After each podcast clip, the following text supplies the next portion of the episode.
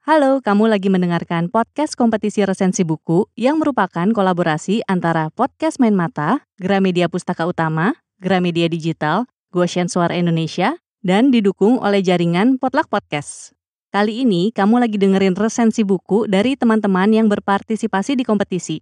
Selamat mendengarkan. Halo, aku Aira. Pada kesempatan kali ini, aku ingin membagikan resensi buku berjudul You Do You Discovering Life Through Experiments and Self-Awareness.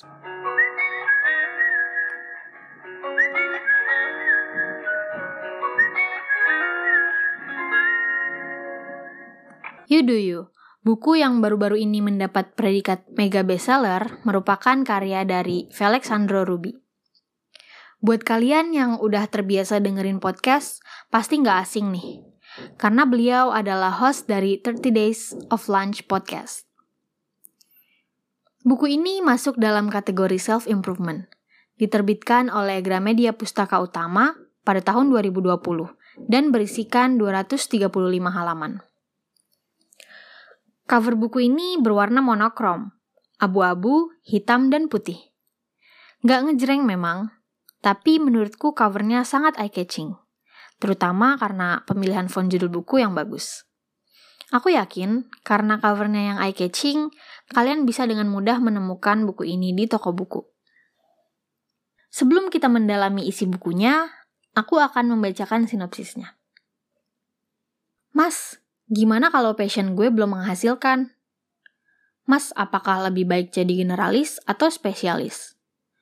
Mas, gue pengen bisa ganti haluan karir di bidang yang lain. Bisakah? Mas, gue lagi di tengah-tengah quarter life crisis. Help me. Mas, gue bingung ikigai gue apa. Mas, emang di usia 30 nanti, secara finansial gue udah mesti punya apa aja. Mas, berbagi dong proses lo menuju 1 miliar rupiah pertama. I feel you. Gue juga pernah mengalami keresahan yang sama. Faktanya, satu dekade pertama dalam perjalanan karir gue dihabiskan untuk bereksperimen dengan sembilan macam role yang berbeda. Sampai akhirnya gue menemukan Ikigai. Sales, petugas lelang, operator alat berat, travel blogger, food photographer, penyanyi, social media manager, product manager di sebuah tech startup, sampai pengusaha pernah gue jalani. Menariknya, semua kegalauan dan pencarian itu mulai terjawab dengan sendirinya ketika gue bisa menjawab pertanyaan, Who are you?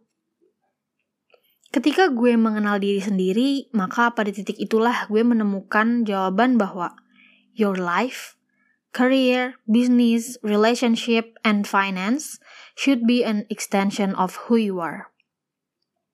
Buku ini nggak ngasih jawaban langsung, tapi ngebantu merefleksi diri melihat ke dalam, mengurai situasi, supaya lo bisa menemukan sendiri jawaban kapan pun lo bertemu dengan persimpangan.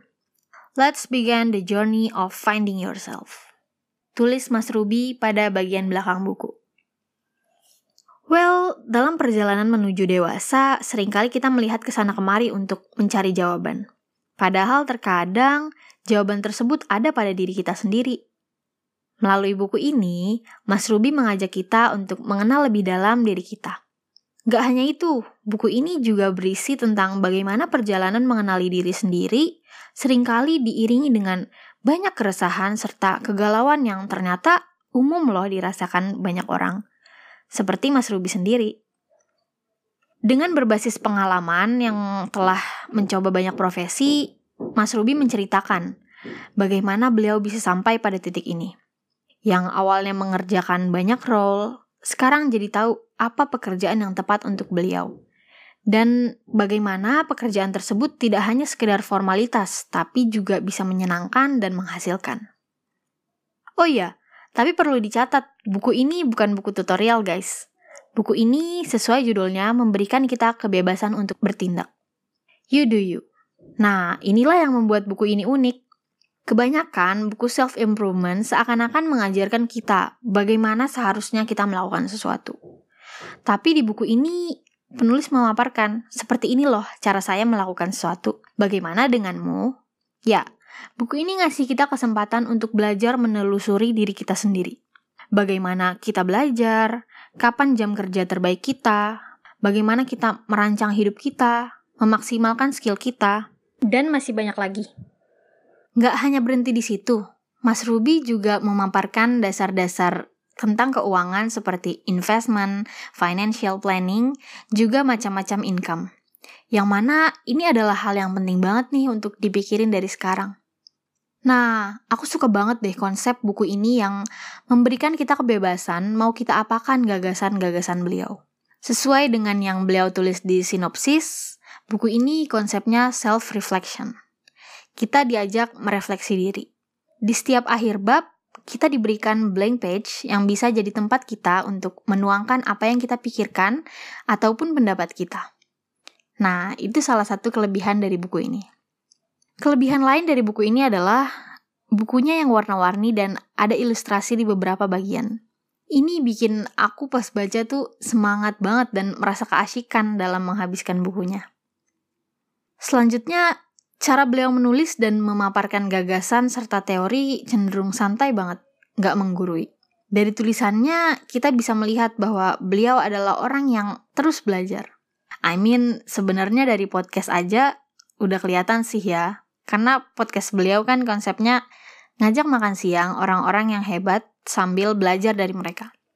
Tapi di buku ini lebih ditunjukin gitu loh. Ada banyak banget cerita dari hasil pembelajaran beliau yang inspiring banget. Salah satunya ketika ada temennya yang memiliki karir sebagai pengacara, tiba-tiba banting setir menjadi penjual bakmi frozen. Unik bukan? Cerita-cerita tersebut bikin aku jadi merasa semangat untuk belajar lebih. Terlebih lagi di buku ini Mas Ruby memberikan contoh yang nyata. Gimana sih cara kita belajar dari banyak orang? Nah, ada beberapa bagian favoritku yang langsung aku aplikasikan setelah baca buku ini. Salah satunya gagasan Mas Ruby tentang intellectual masturbation. Pada bagian ini, Mas Ruby mengingatkan kita untuk nggak terlalu tenggelam dalam the idea of learning. Don't get caught up in intellectual masturbation, he said. Jangan sampai kita nyandu belajar, tapi miskin eksekusi. Karena belajar kan nggak hanya berhenti sampai ditahu aja. Wah, ketika baca gagasan ini, aku merasa tertampar banget sih. Ini jadi reminder buat aku. Dan sekarang aku lagi mulai coba mengaplikasikannya dalam keseharianku.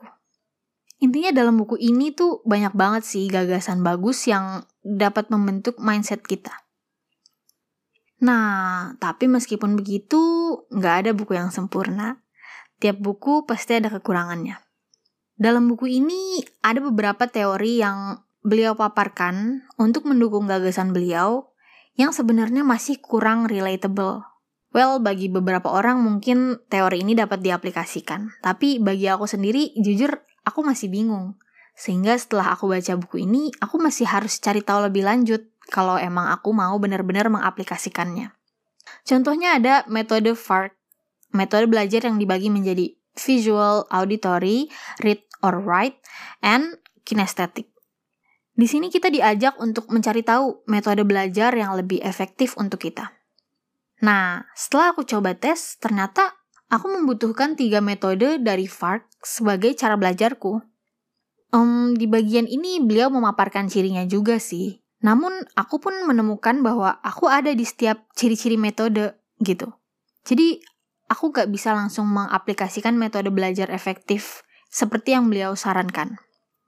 Well, tapi balik lagi sih sama konsep buku ini bahwa buku ini tuh gak ngasih jawaban, tapi mendamping kita untuk mencari tahu yang mencari tahu ya tetap kita sendiri.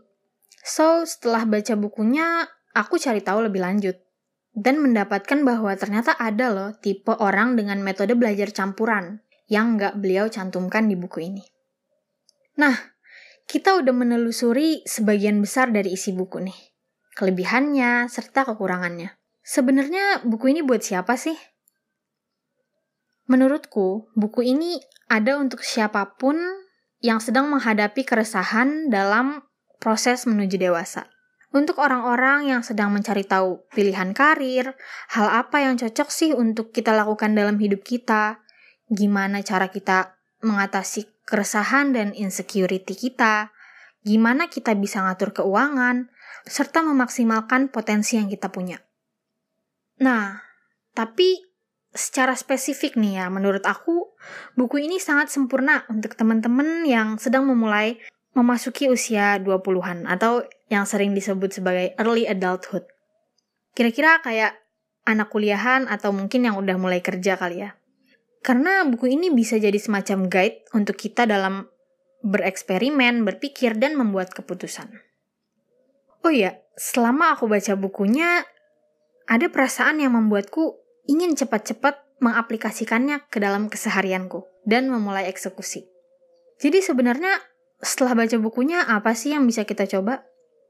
Well, kita bisa mulai berpikir apa sekiranya hal-hal yang bisa mengisi diagram ikigai kita. Kita bisa memulai merencanakan apa aja hal yang mau kita coba di usia sekarang.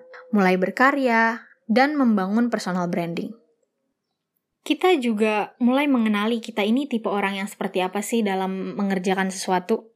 Kalau aku pribadi, aku juga mulai bisa merencanakan gimana caranya supaya aku bisa mulai menabung untuk masa depan tanpa mengkhawatirkan kebutuhan masa kini.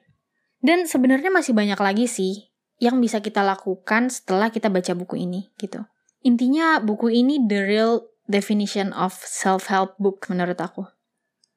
Aku rasa banyak banget orang yang perlu baca buku ini. Nah, buat kalian yang tertarik, bisa coba cari bukunya di toko buku, marketplace kesayangan, atau sesederhana meminjam. Sekian resensi buku Yuduyu kali ini, semoga bermanfaat. Aku Aira Alfahis, sampai jumpa.